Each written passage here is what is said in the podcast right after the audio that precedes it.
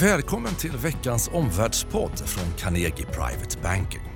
Det är onsdag den 12 februari. Klockan är 13.45 när vi spelar in Omvärldspodden. Jag har sällskap i studion med Jonny Torssell, teknisk analytiker här i huset och vi ska tala om först både rapportfloden och coronaviruset. Vad säger egentligen marknadsreaktionerna på händelsen om sentimentet hos investerare just nu?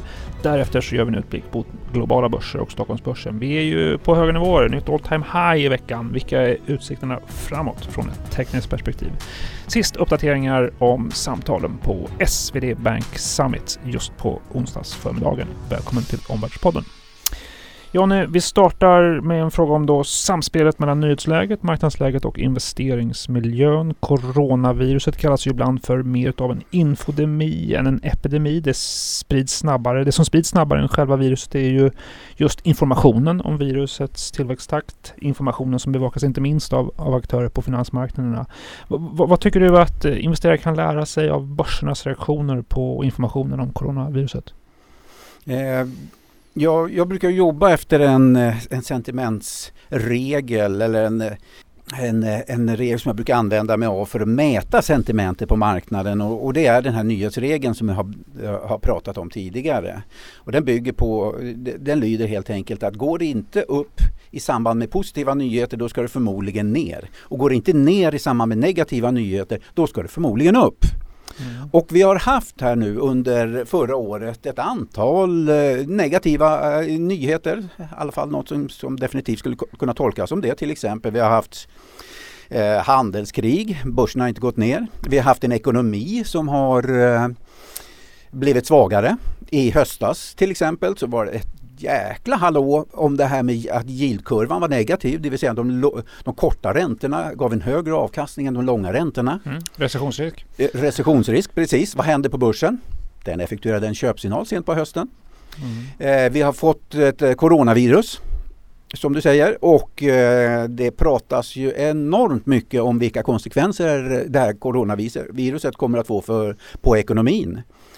Eh, Samtidigt all time high. Samtidigt så får vi nya all time high nivåer i Europa, på Stockholmsbörsen och i USA. Det vill säga, det går inte ner i samband med negativa nyheter. Det här vittnar om att sentimentet är väldigt positivt. Är det lärdomen att dra tycker du? Att det är, ja. ett kvitto på det starka sentimentet hos investerare? Det är ett kvitto på det starka sentimentet. Riskaktivt absolut på aktiemarknaden. Samtidigt så fortsätter ju både oljepriset och kopparpriset att uh, gå rätt svagt och ja. falla. Hur, hur tolkar du det? Eh, vet ej, eh, därför att jo, kopparpriset har gått ursvagt. Eh, dollarn, eller vad heter det, oljepriset har också tappat eh, kraftigt och vi har, där har vi verkligen fått en dead cat bounce. Det vill säga det, det har knappt studsat upp någonting. Mm. Eh, så det är väl lite svagt men det är det är samma sak, börserna i Asien, i alla fall många, några av börserna i Asien har ju utvecklats svagt efter det här corona men eh, Ja, men en slutsats att sentimentet är starkt på, på aktiemarknaden så att säga. Investeraren eh, det är det.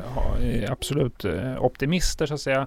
Eh, finns det några andra historiska paralleller man kan dra här? Det görs ju mycket i samtal om coronaviruset just i jämförelse med sars och liknande. Ser du någon sådan? Ja, normalt. Jag, jag har skrivit en analys om det här i, i short term där jag har tittat då på hur det har sett ut med många av de här utbrotten, eh, virusutbrotten historiskt. Och, och, det brukar vara så att virusutbrotten eh, har, har skett efter perioder av bear markets. Så går jag in och plockar in de här utbrotten på de här olika, det är fågelinfluensan och det är sars och så vidare. Då har det historiskt var, visat sig vara bra köplägen. Mm. I väldigt många fall i alla fall. Samtidigt som det måste vara svårt förstås. Det händer ju massa annat i ekonomin som också påverkar Absolut. Eh, bedömningar om köplägen och, och liknande. Sådär. Du, samtidigt eh, med detta så har vi också befunnit oss nu, vi, vi är väl kanske i slutet på rapportperioden. De riktigt stora börsbolagen har kommit med sina rapporter. Eh, de något mindre återstår då kanske. Vad tycker du generellt om, om reaktionerna på Stockholmsbörsen på, på rapportresultaten så här långt? Eh, det var bra att du sa reaktionerna på mm. rapporterna. jag har lärt mig samtala med dig. Ja precis, jättebra, jättebra. För det är det jag tittar på. Jag tittar inte på innehållet i rapporten utan jag tittar på reaktionen på rapporten. Mm. Och eh, överlag så har reaktionerna varit bra tycker jag. Eh, till och med på eh, ganska svaga rapporter i förhållande till förväntningarna så har reaktionerna varit bra. Vi har, ofta, vi har i del, en del fall fått svaga öppningar men så har vi fått sen starka stängningar mm. eh, när det har skett. Så att, eh, det är ett bra sentiment tycker jag. Om vi ska koka ner det här, eh, vad tycker du är den korta slutsatsen för investerare? Hur skulle du beskriva sentimentet på Stockholmsbörsen just nu? Ja, det är positivt. Vi har köpsignaler i Stockholmsbörsen eh, på lång sikt som indikerar en uppgång till 2000, 2150 eller något sånt där. Eh, det är det som är mitt matematiska prisobjektiv på lång sikt. Vi har köpsignaler även eh, i det kortsiktiga perspektivet som jag skrivit om eh, i mitt marknadsbrev. Eh, och eh, nej, jag har inga större varningssignaler. Kortsiktigt absolut, det är eh, hårt spänd gummisnodd, vi kan få rekyler. Självklart, men överlag så ser det ändå positivt ut. Om vi skulle ta oss vidare från den här lägesbeskrivningen för just då en liten vidare utblick och en bedömning om, om vilken framtid som vi eh, faktiskt kan tro på. OMX är upp eh, i år nästan 5 procent ungefär faktiskt som, ungefär som du förespådde för, för um, några månader sedan när vi då bröt ut och lämnade den här fyra års långa konsolideringen på aktiemarknaden som du ofta har återkommit till. Om du skulle ha en bedömning nu då, vart, eh, vart är vi på väg? Ska vi vidare upp eller ska vi ner? Ja, mitt kortsiktiga målområde för den här köpsignalen som effektuerades i onsdags eh, förra veckan, eh, det var en uppgång till 1900. Men, men på längre sikt så har jag ett målområde uppåt, som jag sa, då, upp mot 2000 nivån. Mm. Och fram till dess jag får signaler om motsatsen så, så är det det som kommer att gälla för mig. Mm. Signaler om motsatsen, vad, vad, är det som skulle få dig att omvärdera det här scenariot? Eh, ett par saker. Mm. Eh, nummer ett, eh, naturligtvis eh, eh, rörelser på marknaden. Till exempel en impulsrörelse på nedsidan eh, till exempel om OMX-index skulle röra sig ner under 1700 nivån igen. Mm. Skulle det vara en, eh, en tydlig varningssignal. Mm. Samtidigt som Eurostock skulle göra, göra, det. En annan sak eh, är ju naturligtvis, eh, jag bevakar sentimentet.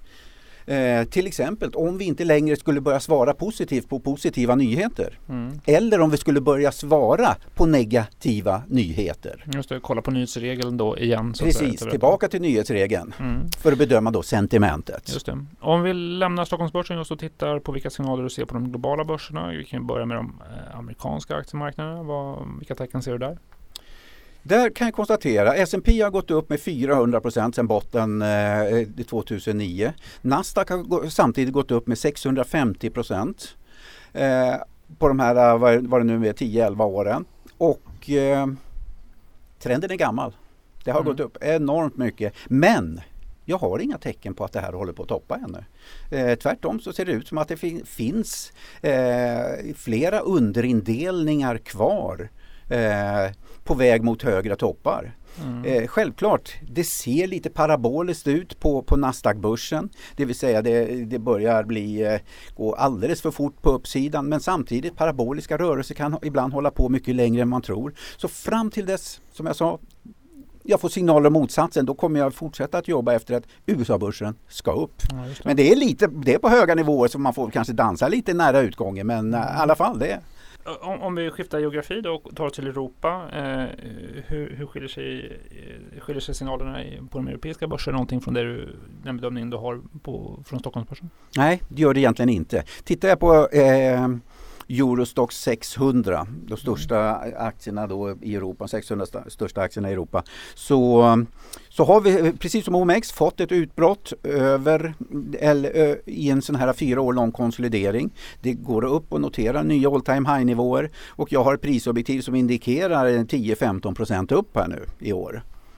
Så nej, jag tycker att det fortfarande ser, ser starkt ut och eh, mm. får vi inte en, en, rörelse tillbaka ner in i den här konsolideringen, nej då kommer jag fortsätta att vara optimistisk. Mm. Givet där vi står nu och det är ju vårvintern 2020, på vilket sätt kan rörelserna på de globala börserna påverka Stockholmsbörsen?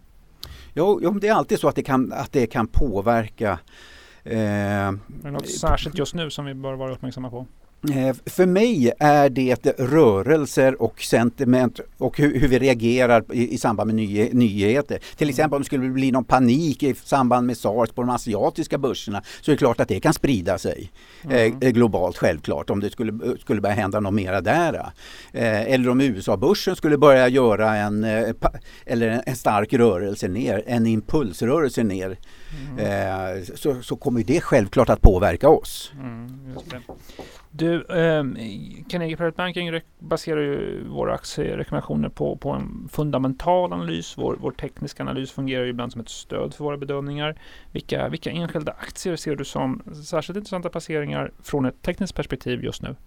Ja, jag tycker fortfarande att bankerna ser väldigt starka ut. Jag har varit positiv till bank, banksektorn här, eh, storbankerna då under en period. Och nu har vi börjat sett de här rörelserna uppåt. Jag har fått flera viktiga signaler i flera av bankerna. Så de har börjat röra sig uppåt kortsiktigt är de eh, ja, vad ska, man, vad ska man säga, överköpta och vi borde få rekyler i dem men samtidigt så ser min långsiktiga potential ut den, den ser bra ut i dem. Mm. Så de tycker jag ser, de ser fortsatt starka ut.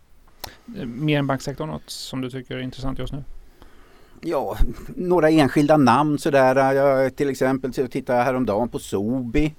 Mm. Eh, som jag tyckte såg spännande ut. Effektuerat en köpsignal som kanske kan röra sig en 10 upp eller något sånt där. Eh, Okej, okay, om vi skulle bara avsluta då med en kort summering. Vad säger du om utsikterna för Stockholmsbörsen våren 2020? Eh, jag tycker att det ser bra ut. Vi ska naturligtvis förvänta oss att det här inte kommer att gå spikrakt uppåt. Men eh, det ser fortsatt bra ut. Det blir slutordet. Tack för att du gästade Omvärldspodden Jonny. Tack! Till sist uppdatering från samtal både på och vid sidan av scenen tidigare under onsdagen på SvD Bank Summit. Eh, samtal med både finansminister och ekonomer om att handelsavtalet, det så kallade fas 1-avtalet mellan USA och Kina har skapat och bidragit till större optimism eh, på marknaden än vad många väntat på. Samtidigt framhöll finansministern att bedömare i Washington pekar på att en handelskonflikt USA mot Europa ligger i korten före valet. USA trappar upp retoriken och signaler om förhandlingar under våren eh, finns på bordet. Dessutom mycket uppmärksamhet på de starka svenska hushållen som i flera avseenden haft en varm vinter. Riksbanken bekräftade i veckan att hålla låga räntor under en längre tid. Börskurserna är samtidigt på all time high. Det gick klirr i kassan och samtidigt dessutom extra tillskott för flera hus hushåll när värnskatten avskaffas från årsskiftet. Och nära 7 miljarder fördelas eh, förenklat över höginkomsttagare och högutbildade som får den för många enskilt största inkomstskattelättnaden under yrkeslivet hittills. Det där kan möjligen trigga ökad köplusta på till exempel bomarknaderna i våra stora städer. Nästa vecka arrangerar vi vår mötesplats Carnegie efter börsen i Göteborg på Space 62 onsdag från 17.30. Torsdag samma klockslag, samma övning eh, på vårt huvudkontor i Stockholm på Regeringsgatan 56. Du kommer att träffa entreprenörerna bakom doktor.se. Du träffar våra aktieanalytiker och portföljförvaltare för samtal om investeringsmöjligheter framåt. Nästa avsnitt av Omvärldspodden, det eh, släpper vi den 20 februari. Nu, tack för visat intresse. Tack för att du har lyssnat på Omvärldspodden från Carnegie Private Banking. Vill du veta mer om vad som händer i vår omvärld och få aktuella idéer till affärer? Gå då in på www.carnegie.se veckans viktigaste och prenumerera på vårt nyhetsbrev.